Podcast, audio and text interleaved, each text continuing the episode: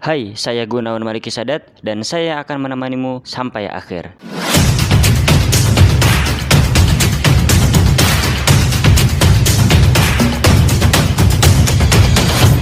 Oke, hai, balik lagi di JMS Podcast episode ke-82. Di sini aku bakal bongkar-bongkaran untuk menjawab mungkin ada beberapa orang yang heran sama aku. Aku banyak banget ngasih tips, aku banyak ngomong di sosial media, aku banyak share, tapi diri aku pribadi mencerminkan gak apa yang aku ngomongin. Nah, jadi biar teman-teman bisa tahu apa yang udah aku lakukan sekarang, tapi nggak semuanya pasti ya. Aku bakal ngasih ya yang menurut aku besar-besar aja dan ini nggak seberapa dan belum seberapa untuk pencapaian aku dari hasil aku sering sharing setiap hari, aku buat konten setiap hari, aku desain carousel setiap hari dan aku buat podcast setiap minggu. Kemudian ya di situ aku bakal bongkar-bongkaran transformasi aku yang tadinya nggak pernah buat konten, yang tadinya nggak pernah sharing, sekarang sharing tuh apa sih perubahan yang aku petik selama ini. Oke, jadi kalau misalkan kamu emang lihat perkembangan Instagramku, Instagramku emang jelek banget growthnya ya, nggak tahu dari dulu emang jelek. Dan alhamdulillahnya aku tercerahkan ketika aku ngobrol sama coach dan coach ini dari mungkin dari Cina asalnya, tapi dia berbahasa Inggris.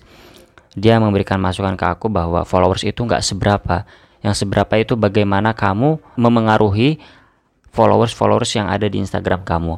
Nah, dan itu aku malah jadi tercerahkan bahwa oh selama ini aku ngejar followers dan sebenarnya followers itu susah kalau dikejar dan susah kalau misalnya kita fokusin padahal kita udah improve konten kita semaksimal mungkin tapi belum ada perkembangan juga oke jadi aku tercerahkan sesuai dengan tujuan aku aku mau bisnis dari sosial media berarti bukan followers yang harus dikembangkan tetapi bagaimana kita influence banyak orang Nah, jadi emang kalau misalkan di Instagram aku nggak kelihatan berkembang. Tapi di sisi lain yang mungkin aku jarang share ke teman-teman semua, jarang banget orang ketahui. Nah, aku langsung list aja ya. Yang pertama, hasil aku ngonten setiap hari. Dari dulu aku tuh gak pernah berani ngomong di depan kamera. Ini aku bahas yang paling simpel dulu. Aku nggak pernah berani ngomong di depan kamera dan sampai sekarang kalau aku diajak vlog bareng atau misalkan joget-joget TikTok sama teman aku, aku nggak pernah pede orangnya.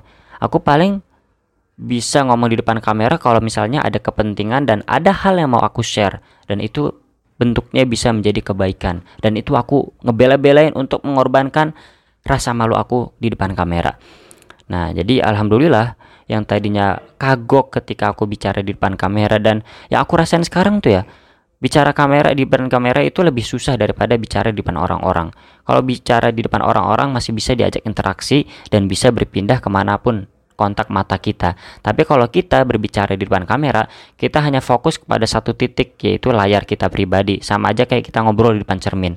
Kagoknya tuh beda itu ya jadi yang pertama alhamdulillah aku bisa speak up di depan kamera dengan lancar walaupun masih banyak tag-tag yang aku ambil untuk mendapatkan hasil yang sempurna nah kemudian yang kedua dari dulu tuh aku nggak pernah pede orangnya aku selalu membandingkan diri dengan orang yang lain yang memang kualitasnya jauh lebih hebat daripada aku dari situ aku berubah dan aku pede terhadap nilai-nilai yang aku pegang dan kualitas diri yang aku punya.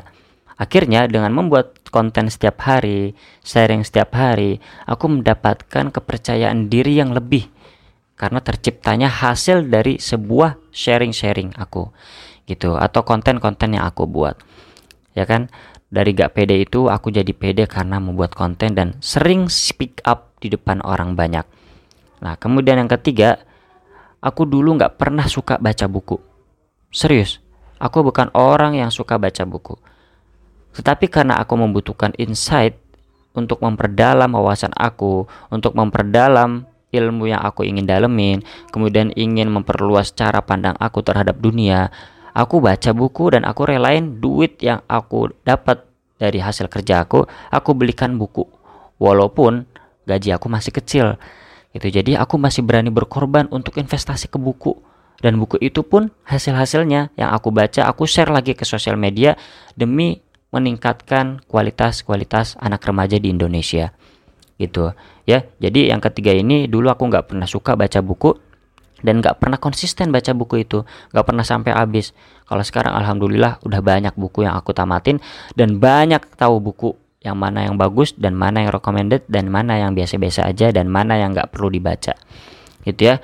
Kemudian yang keempat alhamdulillah ya mungkin ini sebuah rezeki dan aku nggak pernah berpikir di punya posisi ini di kantor aku di tempat kerja aku.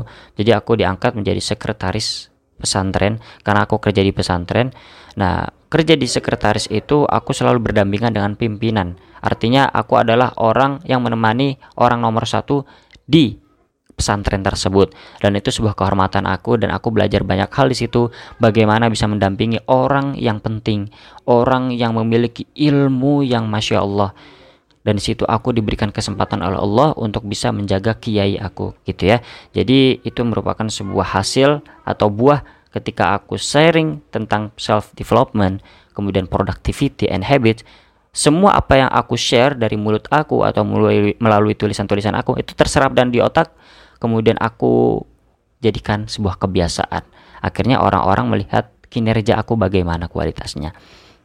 Kemudian yang kelima aku berhasil mencerahkan banyak orang. Kamu tinggal lihat di Instagram aku nanti lihat they said apa kata mereka terhadap konten-konten yang aku buat dan apa kata mereka terhadap one on one coaching program-program yang aku buat. Apakah mereka tercerahkan? Ada banyak komentar komentar mereka di situ. Jadi kamu tinggal lihat aja. Kemudian yang terakhir dan sebenarnya ini bukan terakhir dari segala hal yang aku dapetin ketika aku konten ya yang keenam ini aku dipercaya untuk mengisi beberapa seminar. Ya, walaupun seminarnya masih kecil dan yang dihadapi adalah santri, tapi aku nggak pernah kepikiran bahwa orang yang baru lulus dari SMA dan belum lulus dari kuliah, aku udah ditunjuk untuk jadi pembicara di sebuah seminar. Dan sebenarnya di lapangan pekerjaan aku atau di kantor aku, di tempat kerja aku itu banyak orang yang lebih tinggi ilmunya, dan orang yang memiliki pengalaman banyak dan lebih tua daripada aku tapi aku yang dipilih. Karena kenapa? Karena hasil konten pastinya. Karena aku sering share share hal positif. Jadi orang-orang mengenal bahwa aku tuh seperti hal yang memang aku share gitu. Jadi aku di sini emang lebih kelihatan banyak ngomongnya. Tapi karena aku jarang share apa yang aku dapetin ketika aku banyak ngomong ketika aku banyak share tentang hal-hal positif itu jadi orang tuh ngecap bahwa aku tuh cuma bisa ngomong doang action kagak. Padahal banyak banget perubahan. Nah kalau boleh tahu kamu apa selama ini? Punya perubahan apa sih dari usaha kamu? Jadi jangan sampai kamu cuma komentar doang ya. Jangan sampai kamu cuma komentar sama perkembangan orang karena orang itu yang kamu lihat gak punya perkembangan salah ya. Kalau kamu emang lihatnya perkembangan followers aku aku nggak berkembang. Susah berkembangnya. Tapi kalau kamu lihat potensi aku atau perkembangan diriku kamu pasti bakal paham apa yang aku dapetin dari hasil konten selama satu tahun lebih. Oke, okay, thank you udah mau dengerin sharing kali ini. Ya sebenarnya ini bukan insight tapi aku mau inspire teman-teman semua yang lagi berproses.